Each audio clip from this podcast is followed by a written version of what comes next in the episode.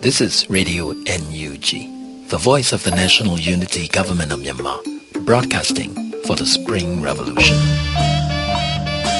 Radio NUG is transmitting from shortwave 16 meter, 17.710 megahertz daily at 8 a.m. and 8 p.m. Myanmar Standard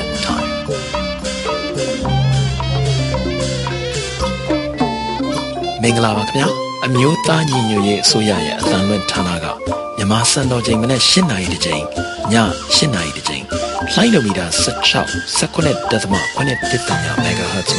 နေ့စဉ်အသံလွှင့်ပေးနေပါပြီမြန်မာနိုင်ငံသူနိုင်ငံသားများမင်္ဂလာအပေါင်းနဲ့ပြည့်စုံကြပါစေခုချိန်ကစပြီး Radio NUG အစီအစဉ်လေးကိုဓာတ်ရိုက်အသံလွှင့်ပေးနေပါပြီ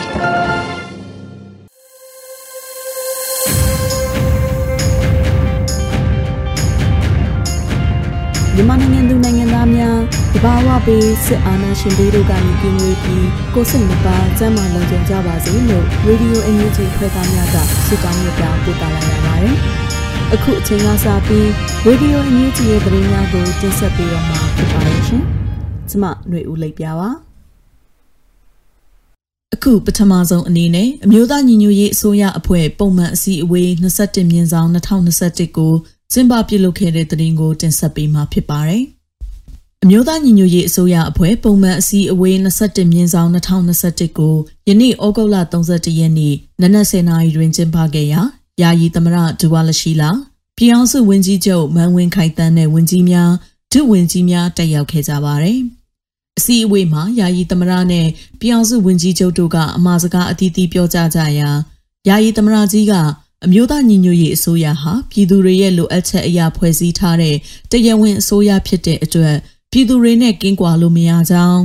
ပြည်သူလူထုယုံမုန်းတဲ့အကြမ်းဖက်စစ်အာဏာရှင်အဖွဲ့ကိုအပြည့်ပြတ်ချေမှုန်းပြီးလူထုမျှော်မှန်းထားတဲ့တရားမျှတပြီးအေဂျင့်သားရ၍လူအခွင့်အရေးကိုအပြည့်အဝခံစားနိုင်တဲ့ Federal ပြည်ထောင်စုကိုမကြခင်အုံမြင့်ချနိုင်တော့မှာဖြစ်ကြောင်း အမျိုးသားညီညွတ်ရေးအစိုးရအနေနဲ့ပြည်သူလူထုရဲ့တခဲနဲ့ပံ့ပိုးကူညီမှုနဲ့အာဏာရှင်ကိုအောင်နိုင်အောင်အသေးစိတ်စီမံချက်များချမှတ်ပြီးအားနည်းမှုမရှိအောင်အပြန့်ပြန့်အလှန်လှန်သုံးသပ်အတီးဖြူထားဖို့လိုကြောင်းယခုတော်လန်ရေးဟာပြည်သူတော်လန်ရေးမဟာဗျူဟာဖြစ်တဲ့အတွက်ပြည်သူကာကွယ်ရေးတပ်ပြည်သူလုံခြုံရေးတပ်ဖွဲ့ပြည်သူအုပ်ချုပ်ရေးနဲ့တိုင်းရင်းသားလက်နက်ကိုင်များအားလုံးလူဒန်းစားမရွေအသိပညာရှင်အတတ်ပညာရှင်များ ပြည်တွင်းပြည်ပပြည်အောင်စုတိုင်းရင်းသားပေါင်းစုံပါဝင်နေကြောင်းဒီတော်လှန်ရေးမှာအစိုးရနဲ့ပြည်သူတရားတဲ့ပူပေါင်းပြီးအကြမ်းဖက်အာဏာသိမ်းမင်းအွန်လိုင်းအဖွဲ့ကို အမြင့်ဖြတ်ချေမှုန်းရမည်ဖြစ်ကြောင်းပြည်သူတော်လှန်ရေးအတွက်အစိုးရအဖွဲ့အနေဖြင့်ဟာကွက်မရှိအောင်စီမံကြဖို့တိုက်တွန်းလိုကြောင်းများပြောကြားခဲ့ပြီးပြည်အောင်စုဝန်ကြီးချုပ်ကအကြမ်းဖက်စစ်တပ်ရဲ့ရန်ကားမှုများဟာတနေ့ထက်တနေ့ပိုမိုဆိုးဝါးလာကြောင်း ဝင်ကြီးဌာနများနဲ့ပြည်သူများရဲ့စိတ်အားထက်သန်စွာပူးပေါင်းဆောင်ရွက်မှုများကြောင့်အကြမ်းဖက်အဖွဲ့အတွင်းမှာလည်းမတိမငြိမ်ဖြစ်ပြီးပြည်သူဘက်ရက်တီကျင်လာသောတမတော်သားများရဲဝန်ထမ်းများအများပြားလာကြောင်းတေချာရာကကျွန်တော်တို့ဘက်တွင်ပြည်သူများအပြည့်ရှိပြီးသူတို့ဘက်မှာဘယ်သူမှမရှိတာမို့ဒီတော်လန်ရေးဟာကျွန်တော်တို့ရဲ့အောင်ပွဲဖြစ်မှာတေချာကြောင်းပြောကြားခဲ့ပါတယ် ဆက်လက်ပြီးဝင်ကြီးဌာနတွေကသက်ဆိုင်ရာကဏ္ဍအလိုက်တင်ပြဆွေးနွေးကြရာအသစ်ဖွဲ့စည်းခဲ့သောစီးပွားရေးနဲ့ကုသရေးဝယ်ရေးဝင်ကြီးဌာနကဝင်ကြီးဌာနရဲ့မူဝါဒနဲ့လုပ်ငန်းစဉ်တွေကိုတင်ပြခဲ့ပြီးကျန်းမာရေးဝင်ကြီးဌာနက COVID-19 ရောဂါကာကွယ်ကုသထိန်းချုပ်နိုင်ရေးအတွက်ဆောင်ရွက်နေတဲ့လုပ်ငန်းစဉ်တွေကိုတင်ပြဆွေးနွေးခဲ့ကြပြီးအစည်းအဝေးကို17နာရီမိနစ်30တွင်ရပ်နာခဲ့ပါတယ်။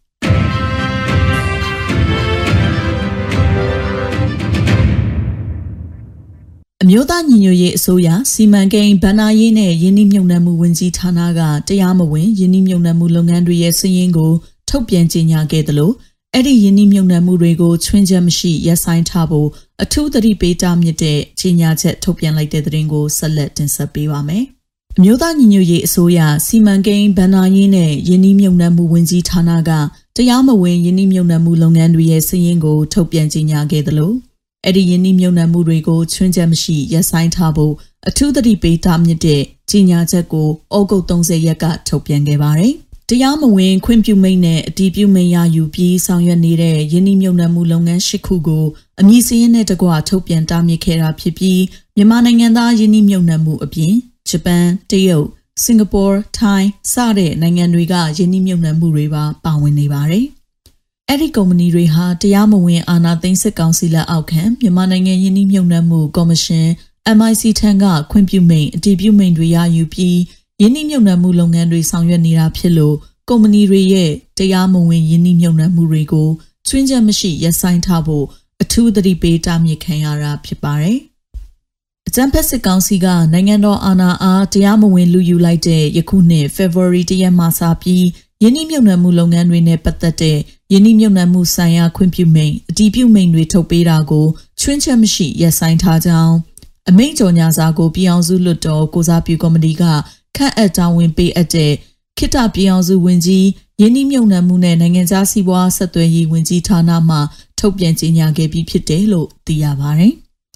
အဲ့ဒီအမိန့်ကြော်ညာစာကိုအမျိုးသားညီညွတ်ရေးအစိုးရစီမံကိန်းဗဏ္ဍာရေးနဲ့ယင်းနှမြုံနှံမှုဝင်ကြီးဌာနကအတည်ပြုလက်ခံကြောင်းကြေညာချက်ကိုမေလ16ရက်နေ့စွဲနဲ့ထပ်မံထုတ်ပြန်ကြေညာထားပြီးလည်းဖြစ်ပါတယ်။ဒါအပြင်အမျိုးသားညီညွတ်ရေးအစိုးရစီမံကိန်းဗဏ္ဍာရေးနဲ့ယင်းနှမြုံနှံမှုဝန်ကြီးဌာနကဇူလိုင်လ22ရက်နေ့ရက်စွဲနဲ့တာဝန်ယူမှုမရှိသောလုပ်ငန်းများအတွက်လမ်းညွှန်ချက်ကိုထုတ်ပြန်ရမှာလဲ အကြံဖက်စစ်ကောင်စီလက်အောက်ခံအဖွဲ့အစည်းတစ်ခုခုကခွင့်ပြုတဲ့မြည်သည့်ယင်းနှမြုံနှံမှုအစ်စ်ကိုမဆိုအမျိုးသားညီညွတ်ရေးအစိုးရအနေဖြင့်အတိအမှတ်ပြုလက်ခံမည်မဟုတ်ကြောင်းအတိအလင်းဖော်ပြခဲ့ပြီးဖြစ်တယ်လို့ဆိုပါတယ်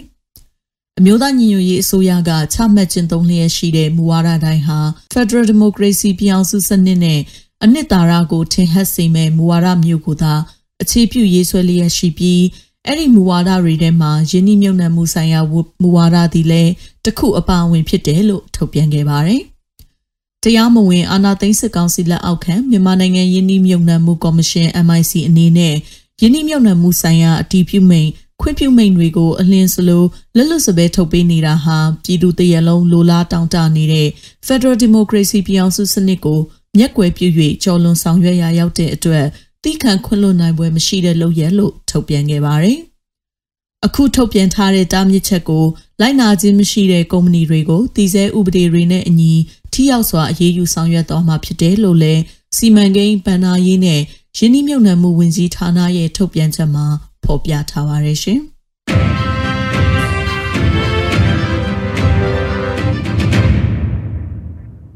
ဆက်လက်ပြီး အာနာရှင်တွေရဲ့လူအခွင့်အရေးချိုးဖောက်မှုတွေကိုထိမ့်သိမ်းတာလွှဲပြောင်းသိမ်းစီးတာတွေဟာလည်းတော်လန်ရေးမှာပါဝင်ဆွနေခြင်းဖြစ်တယ်လို့အမျိုးသားညီညွတ်ရေးအစိုးရလူအခွင့်အရေးဆိုင်ရာဝန်ကြီးဌာနကထုတ်ပြန်လိုက်တဲ့သတင်းကိုတင်ဆက်ပေးမှာဖြစ်ပါတယ်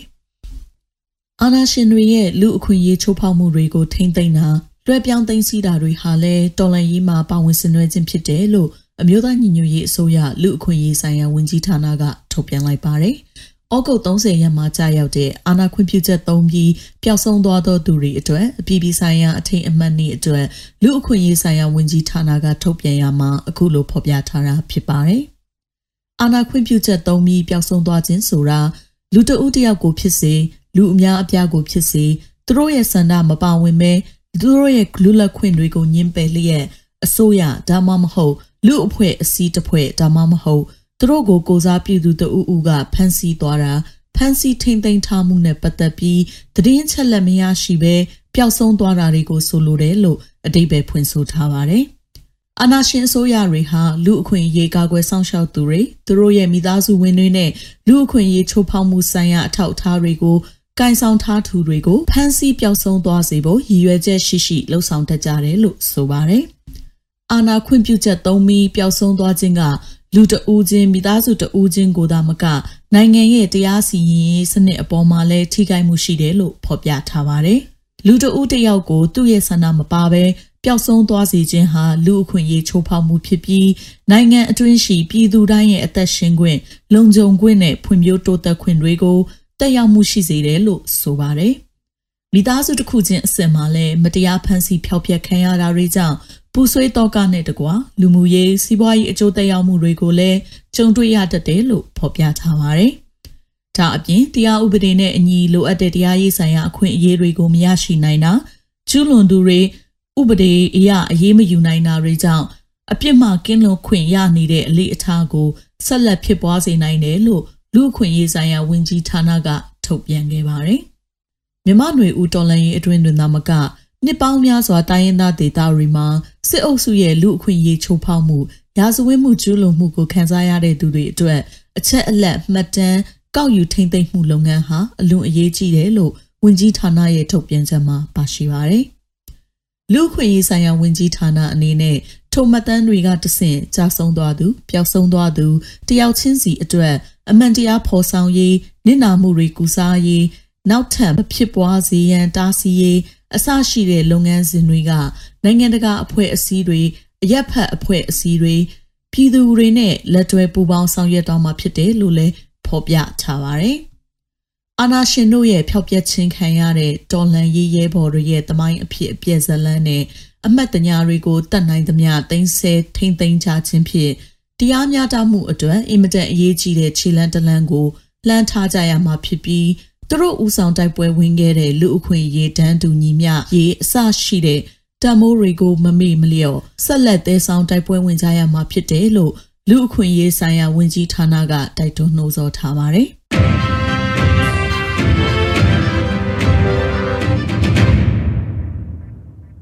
ဆက်လက် ပြီးပြိပခါကြောင့်နေအိမ်ကိုစွန့်ခွာရမယ်ဆိုရင်ဆောင်ရွက်တဲ့အချက်တွေကိုအမျိုးသားညီညွတ်ရေးအစိုးရလူသားချင်းစာနာထောက်ထားရေးနဲ့ဘေးအန္တရာယ်ဆိုင်ရာစီမံခန့်ခွဲရေးဝန်ကြီးဌာနကထုတ်ပြန်ခဲ့တဲ့သတင်းကိုတင်ဆက်ပေးကြပါမယ်။ပရိပခတွေဖြစ်ပွားလို့မိမိတို့ရဲ့နေအိမ်ကိုစွန့်ခွာရမယ်ဆိုရင်စောက်ရွမ်းတဲ့အချက်တွေကိုအမျိုးသားညီညွတ်ရေးအစိုးရကယနေ့ထပ်မံထုတ်ပြန်လိုက်ပါတယ်။လူသားချင်းစာနာထောက်ထားရေးနဲ့ဘေးအန္တရာယ်ဆိုင်ရာစီမံခန့်ခွဲရေးဝန်ကြီးဌာနက ပရိပခတွေအတွင်းပြည်သူတွေဘေးအန္တရာယ်အတွက်ကြိုတင်ပြင်ဆင်ဖို့အချက်တွေကို အပိုင်းလိုက်ထုတ်ပြန်လျက်ရှိရာအပိုင်း၃ကိုထပ်မံထုတ်ပြန်လိုက်ခြင်းဖြစ်ပါတယ်။နေအိမ်ကိုစွန့်ခွာရမယ်ဆိုရင်ဆောင်ရွက်တင်တာတွေကနေအိမ်မိခလုတ်တွေကိုပိတ်ထားဖို့နဲ့မိန်းခလုတ်တွေကိုချထားဖို့အချိန်ရရင်ရေတိုင်ကြီးတွေရေစီတွေကိုရေဖြည့်ထားဖို့လှုံ့ဆော်တင်တယ်လို့ဆိုပါတယ်။တမိုးကြီးပစ္စည်းတွေရှိရင်နေအိမ်တကားတော်တွေပိတ်ထားခဲ့ဖို့နဲ့ အကြံဖက်စစ်ကောင်စီဘက်ကနေအိမ်တကားတွေကိုဖျက်ဆီးထားခဲ့တဲ့နမူနာတွေရှိတဲ့အတွက်အခြားအဖို့တန်ပစ္စည်းတွေမကြံခဲ့ရင်တကားကိုစိတ်ပိတ်ထားခဲ့ဖို့အတိပေးချက်မှာဖော်ပြထားပါတယ်။နေအိမ်မှာအခြားအရေးကြီးပစ္စည်းတွေနဲ့စားနပ်ရိက္ခာတွေကျန်ရှိနေတဲ့ဆိုရင်စင့်အိုးပလတ်စတစ်ဘုံစရာတွေနဲ့ထည့်ပြီးမြေသွင်းတူးမြုပ်နှံထားခဲ့ဖို့ဒါမှမဟုတ် လုံခြုံတဲ့နေရာမှာထားခဲ့ဖို့အကြံပြုထားပါတယ်။ ရှောင်တိန်ရမယ့်နေရာကိုတွားရောက်တဲ့အခါမှာမိသားစုဝင်တွေအချင်းချင်းအဆက်အသွယ်မပြတ်စေဖို့အထူးသဖြင့်ကလေးငယ်တွေကိုဂယူးဆိုင်ခေါ်ဆောင်သွားဖို့နဲ့မိသားစုပြန်လည်ဆုံစည်းနိုင်မဲ့စုရဲ့အ ਨੇ ဆုံးနှစ်ခုတတ်မှတ်ထားဖို့အတိပေးချက်မှာပါရှိပါတယ်။မိသားစုဝင်များရဲ့နာမည်နဲ့ဖုန်းနံပါတ်တွေသွေးအုပ်စုတွေကိုလက်မောင်းပေါ်မှာရေးမှတ်ထားဖို့လည်းဖော်ပြထားပါတယ်။ အရေးပေါ်ဆက်သွယ်ရမယ့်ဖုန်းနံပါတ်တွေကိုရေးမှတ်ထားဖို့အရေးကြီးစာရွက်စာတမ်းတွေကိုအားလုံးကိုစုစည်းယူဆောင်သွားဖို့ပေါ်ပါလွတ်လပ်တဲ့အဝတ်အစားတွေကိုရွေးချယ်ဝတ်ဆင်ဖို့ပြင်ဆင်ထားတဲ့တကိုးစားအရေးပေါ်အိတ်ကိုယူဆောင်ဖို့စတာတွေလည်းအတိပေးထားပါတယ်။မိသားစုမှာကလေးတငယ်ကိုဝင်ဆောင်နဲ့တက်ကြီးရွယ်အိုတွေပါဝင်ရင်သူတို့အတွက်လိုအပ်တဲ့အစားအစာဆေးဝါးတွေကိုထည့်သွင်းယူဆောင်ကြဖို့လည်းအတိပေးချက်မှာဖော်ပြထားပါတယ်။အမျိုးသားညီညွတ်ရေးအစိုးရအနေနဲ့ ပရိပခတွေအတွင်းပြည်သူတွေဘေးအန္တရာယ်အတွက်ကြိုတင်ပြင်ဆင်ဖို့အတိပေးချက်ထုတ်ပြန်ထားရမှာရခင်ကထုတ်ပြန်ထားတဲ့အပိုင်းနှစ်ခုရှိပြီးတော့အဲ့ဒါတွေကတော့လက်သက်ငင်းနဲ့ပြစ်ခတ်ခံနိုင်တဲ့ဒေသတွေကအယက်သားပြည်သူတွေသတိပြုဖို့အချက်တွေနဲ့အစားအစာအာဟာရအတွက်အနည်းဆုံးနှစ်ပတ်စာပြင်ဆင်ရန်အပါအဝင်ကြိုတင်ဆောင်ရွက်တဲ့အချက်တွေဖြစ်ပါတယ်။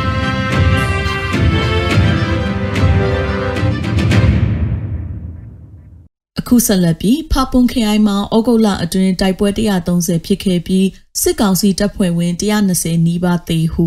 KNU တပ်မဟာ9ကလာကျုပ်တိုက်ပွဲသတင်းမှာထည့်သွင်းထုတ်ပြန်ခဲ့တဲ့အကြောင်းကိုတင်ဆက်ပေးကြပါမယ်။ကရင်မျိုးသားအစည်းအရုံး KNU တပ်မဟာ9နယ်မြေဖပွန်ခရိုင်မှာဩဂုတ်လအတွင်းကဖြစ်ခဲ့တဲ့တိုက်ပွဲတွေမှာစစ်ကောင်စီတပ်က118ဦးသေဆုံးခဲ့တယ်လို့တပ်မဟာ9ကဒီကနေ့သတင်းထုတ်ပြန်လိုက်ပါတယ်။ စစ်တပ်အာဏာသိမ်းပြီးနောက်ပိုင်းမှာလာစဉ်လိုလိုတိုက်ပွဲတွေရာနဲ့ချီဖြစ်နေတဲ့ KNU တပ်မဟာ9နယ်မြေမှာအခုဩဂုတ်လမှာလဲတိုက်ပွဲ130အကြိမ်ဖြစ်ခဲ့တယ်လို့ဆိုပါတယ်။အဲ့ဒီတိုက်ပွဲတွေမှာစစ်ကောင်စီတပ်ကတရင်မှုတအူအပါအဝင်69ဦးဒဏ်ရာရရှိခဲ့တယ်လို့လည်းထုတ်ပြန်ချက်မှာဖော်ပြထားပါတယ်။ KNU တပ်မဟာ9တပ်ဖွဲ့ဝင်9ဦးဒဏ်ရာရရှိတာရှိခဲ့ပေမဲ့ကြာဆုံးသူတဦးမှမရှိဘူးလို့လည်းထုတ်ပြန်ထားပါတယ်။ အဲ့ဒီထုတ်ပြန်ချက်မှာစစ်ကောင်စီတပ်ကအရက်သားတွေအပေါ်ကျူးလွန်တဲ့ဖြစ်စဉ်တွေကိုလည်းဖော်ပြထားပါတယ်။ဩဂုတ်လအတွင်းမှာစစ်ကောင်စီတပ်ကအရက်သား3ဦးကိုရိုက်နှက်ခဲ့လို့အဲ့ဒီအထက်ကတဦးဟာတေဆုံးသွားတယ်လို့ KNU တပ်မဟာ9ကပြောပါတယ်။ဒါအပြင်အရက်သားတွေလောက်ကင်စားတောက်နေတဲ့နေရာတွေကိုလက်နက်ကြီးပစ်ခတ်တာလေကြောင်းကနေကင်းထောက်တာတွေစစ်ကောင်စီဘက်ကလှုပ်ဆောင်ခဲ့တယ်လို့တမဟာ9ကထုတ်ပြန်ပါတယ်။ KNU တမဟာ9ခုရှိတဲ့အထက်မှာတမဟာ9နယ်မြေဟာတိုက်ပွဲဖြစ်ပွားမှုအများဆုံးဖြစ်ပါတယ်။စစ်ကောင်စီအနေနဲ့အခြားတမဟာတွေမှာလည်းစစ်ရေးလှုပ်ရှားတာထိုးစစ်ဆင်တာတွေလှုပ်ဆောင်ခဲ့လို့ KNU လက်အောက်ခံတပ်တွေနဲ့တိုက်ပွဲဖြစ်ပွားမှုတွေရှိခဲ့ပါတယ်။ KNU ဟာစစ်တပ်အာဏာသိမ်းမှုကိုစန့်ကျင်ကန့်ကွက်ထားပြီးစစ်အာဏာရှင်စန့်ကျင်ရေးလှုပ်ရှားနေတဲ့ပြည်သူလူထုတွေကိုအကူအညီအကာအကွယ်ပေးနေတဲ့တိုင်းရင်းသားလက်နက်ကိုင်တပ်ဖွဲ့ဖြစ်ပါတယ်။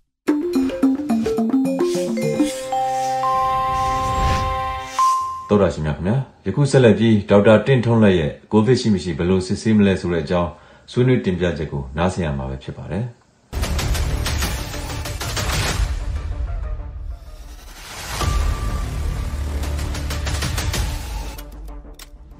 အခုကာလမှာကိုဗစ်နဲ့ရိုးရိုးတုပ်ကွေးတွေကလက္ခဏာအရန်တူတူပဲအဲ့အတွက်ကြောင့်မလို့ကျွန်တော်ဒီကိုဗစ်ဖြစ်နေတယ်မဖြစ်နေဘူးဆိုတာဘယ်လိုသိနိုင်လဲဆိုရင်ကျွန်တော်တို့ rapid district test လို့ခေါ်တဲ့ RTT test လေးတွေပေါ့နော် test kit လေးတွေရှိတယ်အဲ့ test kit လေးတွေနဲ့စစ်ဆေးကြည့်လို့ရပါတယ် test kit ကကျွန်တော်တို့နှာခေါင်းထဲကိုယူတယ်နှာခေါင်းတုပ်ဘက်ယူပြီးစစ်တဲ့ test kit တွေပါ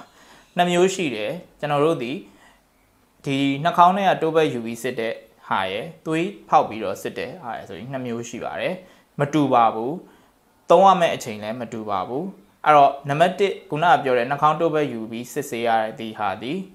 ခန္ဓာကိုယ်ထဲမှာရှိနေတဲ့ COVID virus ရဲ့ antigen လို့ခေါ်တဲ့ COVID virus ရဲ့ခန္ဓာကုတ်ဒီ virus ပေါ်မှာရှိတဲ့ကုတ်ကလေးတွေကိုလိုက်ရှာပြီးတော့စစ်တဲ့ဟာမျိုးဖြစ်တယ်။ virus ကိုစစ်တာဖြစ်တဲ့အတွက်ကြောင့်မလို့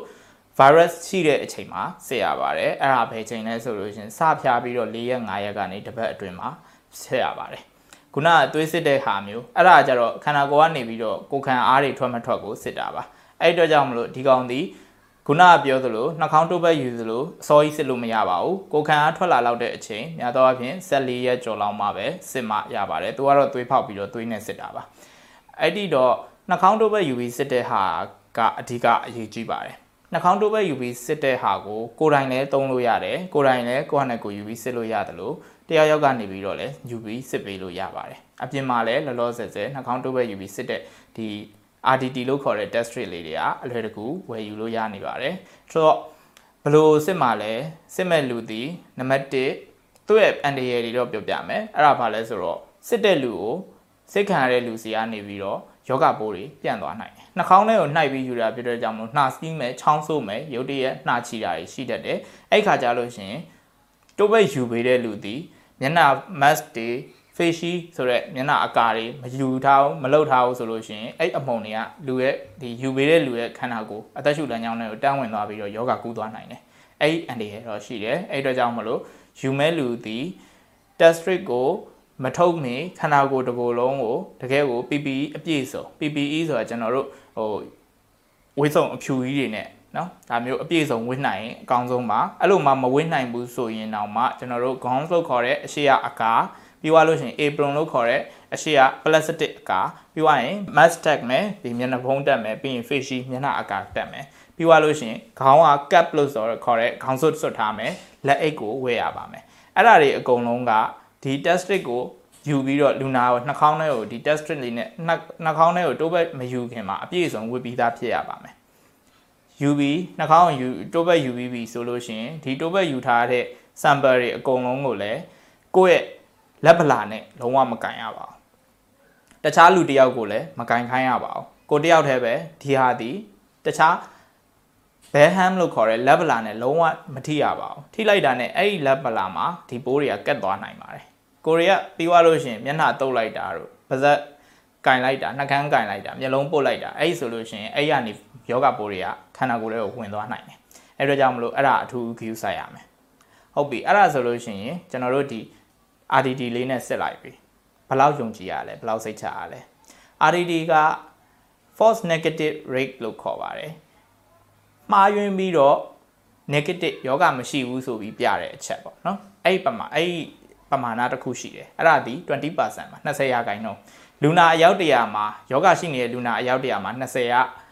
ယောဂမရှိဘူးလို့မှားပြီးပြနိုင်ပါတယ်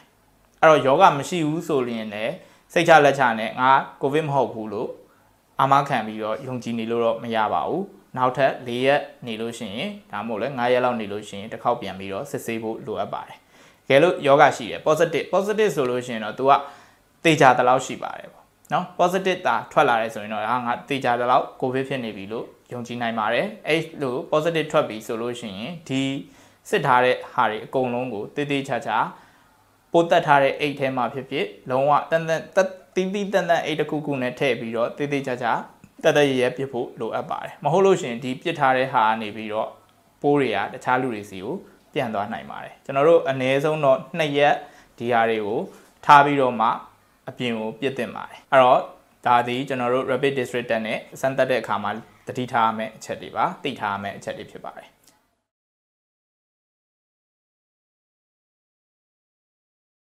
အဲ့တော့ဒီနှာခေါင်းတိုးဘက်ယူပြီးတော့စစ်တဲ့နေရာမှာဘာလို့မှားနိုင်တာလဲဆိုလို့ရှိရင်သူ့ရဲ့ test ရဲ့ငကိုကဒီမှားနိုင်တဲ့ percentage ရှိတယ်လို့လူကြောင့်လည်းမှားသွားနိုင်တယ်အဲ့တော့လူကြောင့်ဆိုတာဆိုလိုတာကျွန်တော်ပြောချင်တာဒီနှာခေါင်းထဲကိုတိုးဘက်ယူပြီးတော့စစ်လိုက်တဲ့လူဒီတိုးဘက်ယူပုံယူနည်းမှတ်မှန်လို့ရှိရင်လည်းအပြေမှန်မရနိုင်ဘူးအဲ့ခါကျရင်ရှိနေရတဲ့မရှိဘူးဆိုပြီးအမှားထွက်လာနိုင်တယ်နောက်တစ်ခုကကြတော့ကျွန်တော်တို့ဒီနှာခေါင်းထဲမှာဒီခန္ဓာကိုယ်အတွင်းထဲမှာ virus က ဘလောက်ပမာဏရှိလဲဆိုတဲ့အချိန်ပေါ်လည်းမူတည်ပါတယ်။စောနေလို့ရှိရင်လည်းအဖြေမှန်မရနိုင်သလိုအရန်နောက်ကျသွားရင်လည်းအဖြေမှန်မရနိုင်ပါဘူး။ COVID ဖြစ်နေတဲ့လူမှာတောင်မှ COVID ရဲ့ဒီ virus တွေပွားများနေတဲ့ကာလကိုကျော်သွားပြီဆိုလို့ရှိရင်အဲ့အချိန်မှာနှာခေါင်းတုပ်ဘက်ယူလိုက်လို့ရှိရင်လည်းအဖြေကမမှန်နိုင်တော့ပါဘူး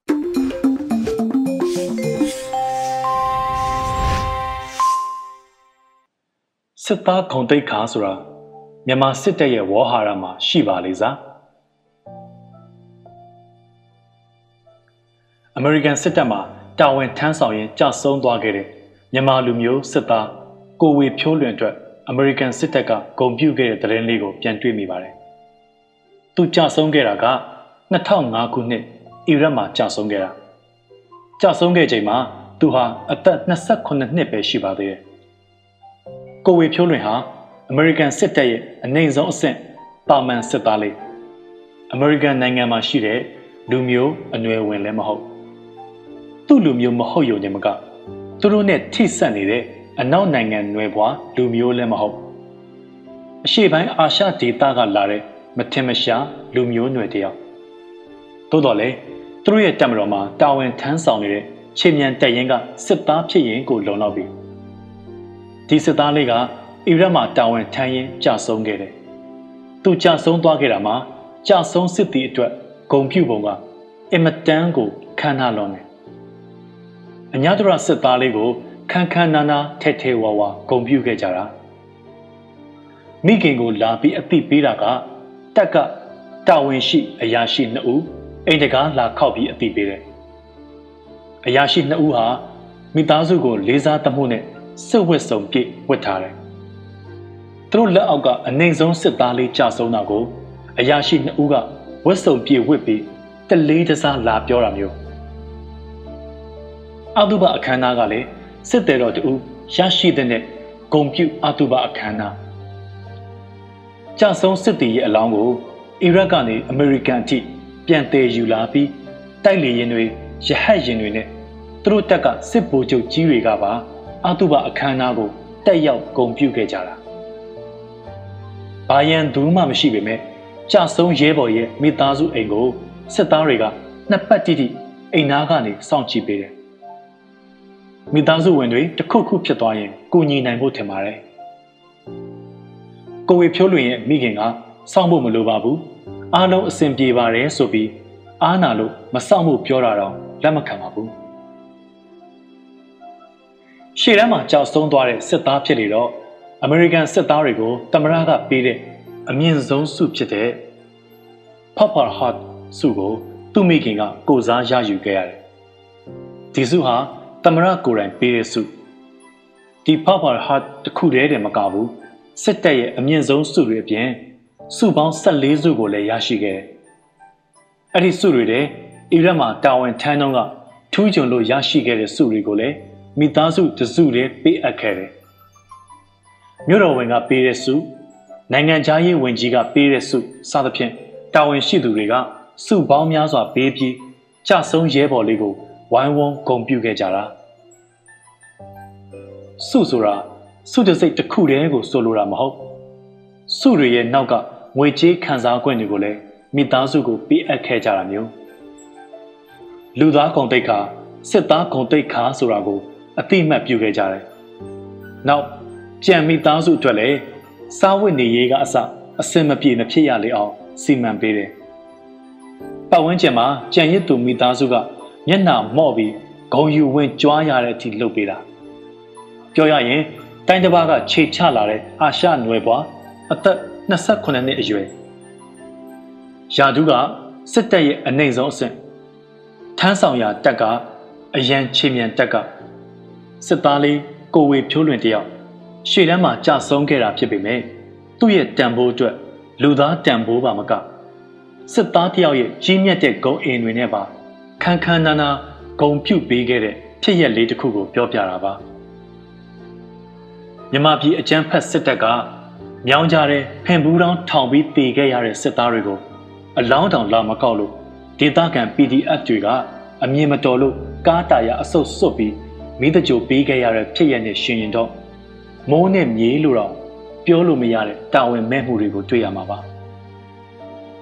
ကြဆုံးစစ်တီတော်တွေရဲ့မိသားစုဝင်တွေကလည်း အခက်ခဲများစွာရင်ဆိုင်ရတာပါပဲတချို့ဆိုအချိန်တန်ရင်လိုင်းကန်းကဖယ်ပေးဖို့မောင်းထုတ်ခံရပြီးမပေးခြင်းပေးခြင်းနဲ့ပြန်ပေးတဲ့အောင်မြင့်မိုမင်းကုမ္ပဏီကအသက်အာမခံချေးလေး၄သိန်းကြော်ကြော်ကိုတော့အပြည့်အဝမရတဲ့စစ်သားမိသားစုဝင်တွေရှိနေခဲ့တယ်။ gratuity ဆိုတဲ့ဂုံပြုငွေလေးမဖြစ်စလောက်တော့ရတာပေါ့။အရင်ကရကြတာအခုရက်ပိုင်းတည်ခဲ့တဲ့လူတွေရမလားဆိုတာတော့မသိကြဘူး။ ရှေ့တန်းမှာတည်သွားတဲ့အလောင်းတွေကိုမကောက်နိုင်ရောမကောက်စုတစိတ်ပေးတယ်ဆိုတာစစ်ဗိုလ်ချုပ်ကြီးတွေကသူတို့ကိုသူတို့ပေးတာမျိုးဖြစ်ပြီးအောက်ခြေခြေမြန်တက်သားတွေကတော့လူတောင်မပီတတရိษံတကောင်တည်တယ်လို့လူမသိသူမသိတော်တွေကလမ်းဘေးတနေရာမှာမြေဩဇာဖြစ်နေကြတာကတော့အသေးချာလူသားဂုံတိတ်ခါစစ်သားဂုံတိတ်ခါဆိုတာမြန်မာစစ်တပ်ရဲ့ဝေါ်ဟာရမှာရှိပါလေစားရဲ့လို့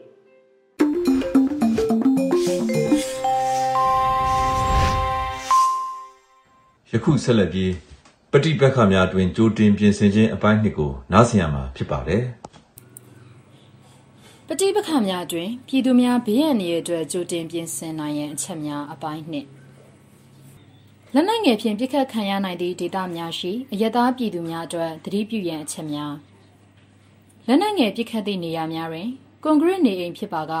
နေအိမ်၏အတွင်းပိုင်းအကျဆုံးနှင့်လုံခြုံဆုံးအခန်းတစ်ခုကိုသတ်မှတ်ထားရန် မှန်ကာထားသည့်အခန်းအပြင်ဘက်နှင့်ထိစပ်နေသည့်အခန်းမျိုးကိုအသုံးမပြုရန်ဖြစ်နိုင်မှာကအဆိုပါအခန်းတွင်စံအိမ်များတဲအိမ်များဘီလက်မြေအိမ်များစသည်တို့ကိုအသုံးပြု၍ပုံအောင်စရာနေရာဖန်တီးထားရန်ပြစ်ခတ်တံများအဆက်မပြတ်ကြားရပါကခိုင်ခန့်သည့်ကတင်စပွဲများအောက်တွင် အကာအကွယ်ယူ၍ပုံအောင်ရန်ပြစ်ခတ်တံများရက်တန့်သွားသည့်အထိငြိမ်သက်စွာပုံအောင်ခိုလုံရန်နှင့်မဖြစ်မနေနေရာရွှေ့ပြောင်းရန်လိုအပ်ပါက တွားသွား၍နေရာရွှေ့ရန်ကိုခန္ဓာနှင့်ခေါင်းပေါ်သို့ပြုတ်ကျနိုင်သည့်အရာများကိုသတိပြု၍ရွှေ့ပြောင်းရန်ပြစ်ခတ်တန်ကြား၍အိမ်ပြင်ထွက်ကြည့်ခြင်းပတ်ဝန်းကျင်ကိုစူးစမ်းခြင်းမျိုးမပြုလုပ်ဘဲအိမ်ထဲ၌သာပုံအောင်နေထိုင်ရန်မိမိနေအိမ်သည်လုံခြုံမှုမရှိပါကအနည်းဆုံးရှိခိုင်ခန့်သည့်အဆောက်အုံသို့တတိဝရိယရှိစွာအမြင့်ဆုံးပြောင်းရွှေ့ရန်နေအိမ်ကိုစွန့်ခွာရမည်ဆိုပါကဆောင်ရွက်ရမည့်အချက်များကိုလိုက်နာရန် မိမိနေအိမ်သည်အဝင်အထွက်လမ်းမကျော်တွင်တည်ရှိပါကလုံခြုံရေးကိုပုံမွေ၍ဂရုစိုက်ပြင်ဆင်ရန်ဒီကနေ့တော့ဒီညနဲ့ပဲ Radio NUG အစီအစဉ်လေးကိုကိတ္တရန်နာလိုက်ပါမယ်မြမစံတော်ချိန်မနေ့၈နာရီညနေ၈နာရီတို့မှာပြန်လည်တွေ့ဆုံကြပါစို့လိုင်းဒိုမီတာ16 19တက်သမ9တက်3ညမဂါဟတ်မှာဖမ်းယူနားဆင်နိုင်ပါတယ်မြန်မာနိုင်ငံသူနိုင်ငံသားများ ကိုစိတ်နှပြချမ်းမာချမ်းသာလို့ဘေးကင်းလုံခြုံကြပါစေလို့ Radio NUG အဖွဲ့သူအဖွဲ့သားများဆုတောင်းပေးလိုက်ပါတယ်အမျိုးသားညီညွတ်ရေးအစိုးရရဲ့ဆက်သွယ်ရေးသတင်းအချက်အလက်နဲ့ဤပညာဝန်ကြီးဌာနကထုတ်လွှင့်နေတဲ့ Radio NUG ဖြစ်ပါတယ် San Francisco Bay Area ခြေဆိုင်မြန်မာမိသားစုများနဲ့နိုင်ငံတကာကစေတနာရှင်များလုံအားပေးများရဲ့ Radio NUG ဖြစ်ပါတယ်အရေးတော်ပုံအောင်ရမည်